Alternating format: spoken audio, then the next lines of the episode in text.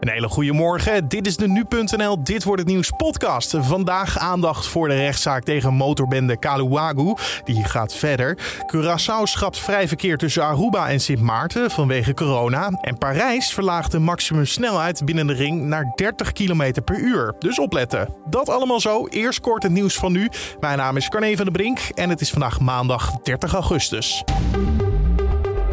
Heel de Amerikaanse stad New Orleans zit in het donker nadat de stroom is uitgevallen door de orkaan Ida. Zo'n miljoen Amerikanen zouden zonder stroom zitten.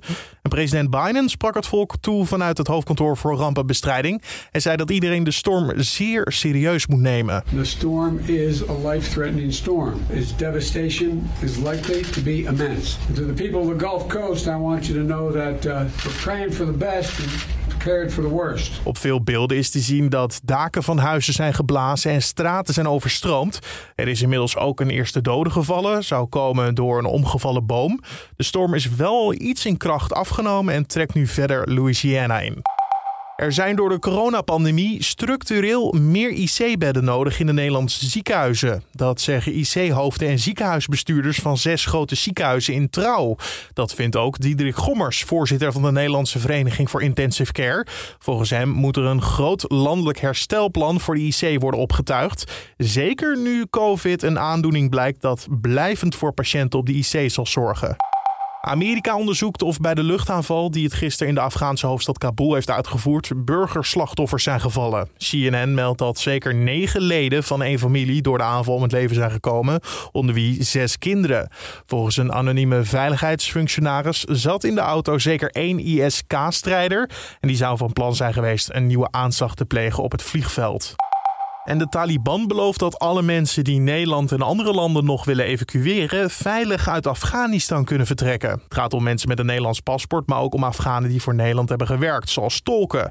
Demissionair minister van Buitenlandse Zaken Sigrid Kaag gaat ervan uit dat de Taliban die belofte nakomt. Nederland moest vorige week stoppen met het evacueren van mensen uit Afghanistan. En hoeveel mensen nog zijn achtergebleven, is niet duidelijk.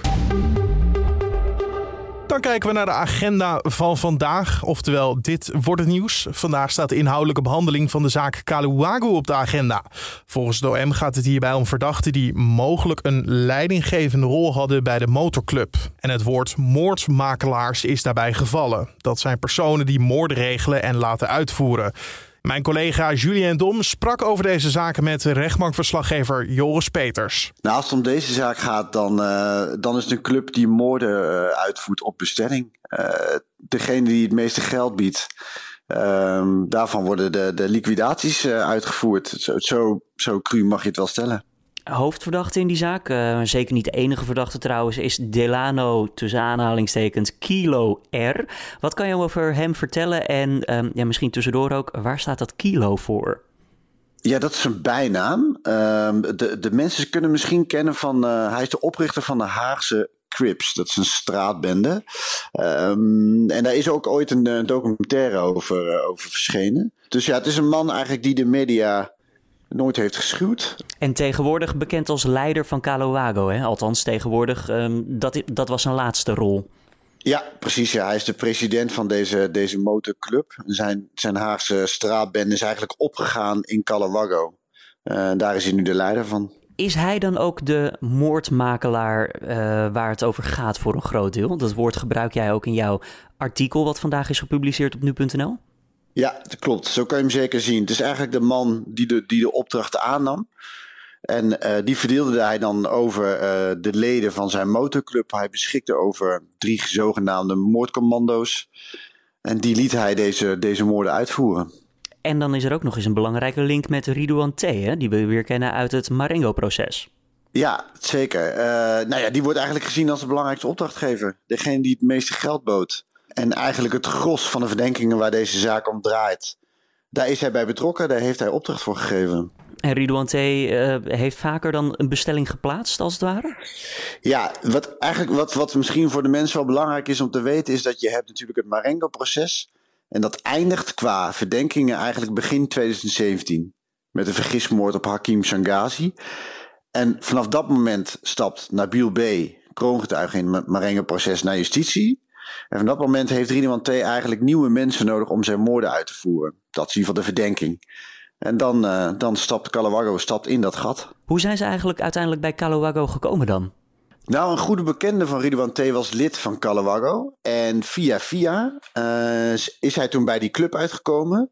En de eerste moord die zij uitvoerden, dat is op Justin Yatchong, dat was een soort test.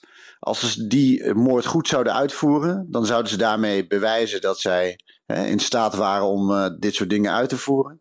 Dat lukte. En zo uh, ontstond er een samenwerking tussen de twee. Had het OM direct die link door? Uh, nee, nee de, eigenlijk hoe ze erachter zijn gekomen is opnieuw een kroongetuige. Tony de G, dat is een lid van Calawago. En zelf betrokken ook bij een liquidatie. Die is op een gegeven moment naar justitie gestapt omdat hij niet verder betrokken wilde zijn bij moorden. En heeft dit eigenlijk dit hele verhaal uit de doeken gedaan.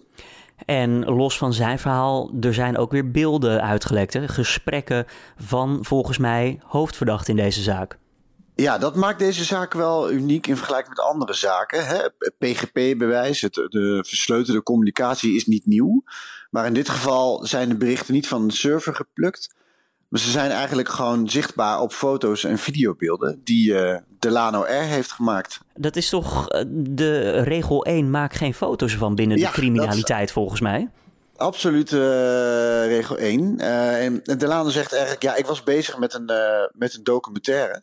En daarom heb ik al deze beelden gemaakt. En ik wilde hier mee laten zien hoe hard de criminaliteit tegenwoordig is. Daarmee probeert hij zijn hachje te, re te redden eigenlijk? Of... Ja, het Openbaar Ministerie gelooft hier niks van. Uh, welke reden die er wel voor had, dat is niet helemaal bekend. Um, maar dat het, dat het puur was om een, om een uh, film van te maken, dat gelooft justitie niet. Maar het levert ondertussen echt een schat aan informatie op. Ja, nou, daar zullen de andere criminelen ongetwijfeld niet blij mee zijn dat dit is gebeurd. Um, ja, het OM pakt motorclubs al langer hard aan in Nederland. Hè? Lijken ze daar tot nu toe dan ook succes in te hebben? Uh, ja, nee, wat mij betreft. Uh, wat ze is gelukt, wat er, wat er vooral is opgelegd nu, dat zijn civiele verboden. Dat betekent eigenlijk dat je, dat je gewoon geen vereniging meer mag vormen. En wat daarmee is gelukt, is dat de meeste motorbendes uit het straatbeeld zijn verdwenen. Je zal niet snel een hashje meer zien van, uh, van Satudara. Maar tegelijkertijd betekent het niet dat die clubs in ophouden uh, met bestaan. Uh, als we dan toch over Satudara hebben. We hebben onlangs een begrafenis gehad van een hooggeplaatst lid binnen die club. En dan zie je dat die club nog steeds leeft. Alleen ze hebben hun hashjes niet meer aan. Dus ik denk dat die strijd, dat het, die heeft nog wel een lange weg te gaan. Hoor. De strafeisen in deze omvangrijke zaak worden begin 2022 verwacht. Tot die tijd houdt de rechtbankverslaggever Joris Peters je uiteraard op nu.nl op de hoogte van de zaak. En Curaçao schrapt tijdelijk de zogeheten reisbubbel met Aruba en Sint Maarten. Daardoor is vrij reizen tussen de eilanden niet mogelijk. In plaats daarvan moet je nu een negatieve coronatestuitslag kunnen overhandigen bij aankomst op het eiland. Dat gebeurt vanwege het oplopende aantal besmettingen op Aruba en Sint Maarten. Ondertussen is de situatie op Curaçao juist wel aan het stabiliseren. En mocht je nog een weekendje met de auto naar Parijs willen, dan is het goed om te weten dat de maximale snelheid vanaf vandaag daar 30 km per uur is. Enige uitzondering in de periferiek en de Champs-Élysées en een handjevol andere grote steden. Het idee erachter is om de verkeersveiligheid te verbeteren in de wereldstad. Voetgangers en fietsen moeten zo minder problemen ervaren en voor kinderen wordt het veiliger om in de stad te spelen. Ook moet geluidsoverlast voor bewoners minder worden met de regeling. Toch werd er ook in de Franse gemeenteraad cynisch op de regeling gereageerd want 30 km per uur zou voor veel automobilisten een droom zijn. Het ligt nu gemiddeld rond de 16 km per uur vanwege alle vele opstoppingen. En met een maximumsnelheid van 30 km per uur racen we naar het weer van vandaag. Wat gaat het worden? Je hoort het van Alfred Snoek van Weerplaza. Vanmorgen breekt vooral in het noorden van Nederland al regelmatig de zon door. Elders zijn nog wolkenvelden actief. Maar de opklaringen winnen terrein. Op steeds meer plaatsen weet in de loop van de dag de zon uitbundiger tevoorschijn te komen. Toch zijn er ook nog stapelwolken aanwezig die in het uiterste oosten en met name zuidoosten van het land nog wel lokaal een bui kunnen loslaten. De wind uit noordelijke richting waait matig, kracht 3 tot 4. En de temperatuur komt in de middag uit op zo'n 20 tot plaatselijk 23 graden. Dankjewel Alfred Snoek van Weerplaza. En tot zover deze Dit Wordt Het Nieuws podcast voor de maandag 30 augustus. Help ons de podcast beter te maken door een recensie achter te laten bij Apple Podcasts. Zo help je namelijk ook de podcast beter te vinden voor anderen die nog niet bekend zijn met deze uh, Dit Wordt Het Nieuws podcast.